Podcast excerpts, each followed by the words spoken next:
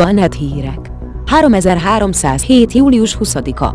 Az IHO jelentése az új hagymafej, Onion Híd, változatról. A Csillagközi Egészségügyi Szervezet közé tette a Helix néven is ismert szabadidős drog, a Onion Híd gamma törzsének előzetes elemzését.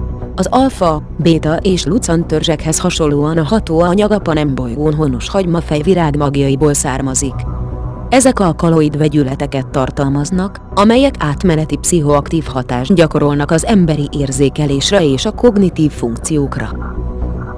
A gamma törzsben ezeket a vegyületeket ismeretlen eredetű szintetikus molekulák felhasználásával genetikailag módosították.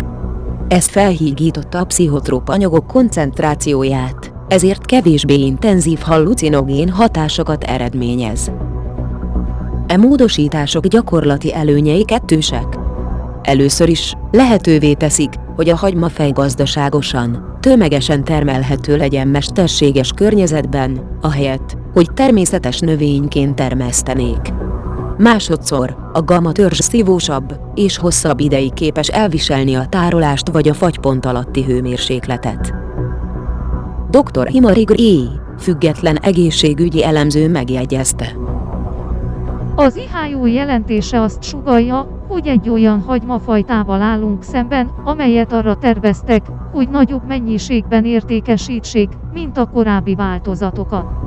Kifinomult összetétele azt jelenti, hogy valószínűleg nem a Blue Viper Club fejlesztette ki.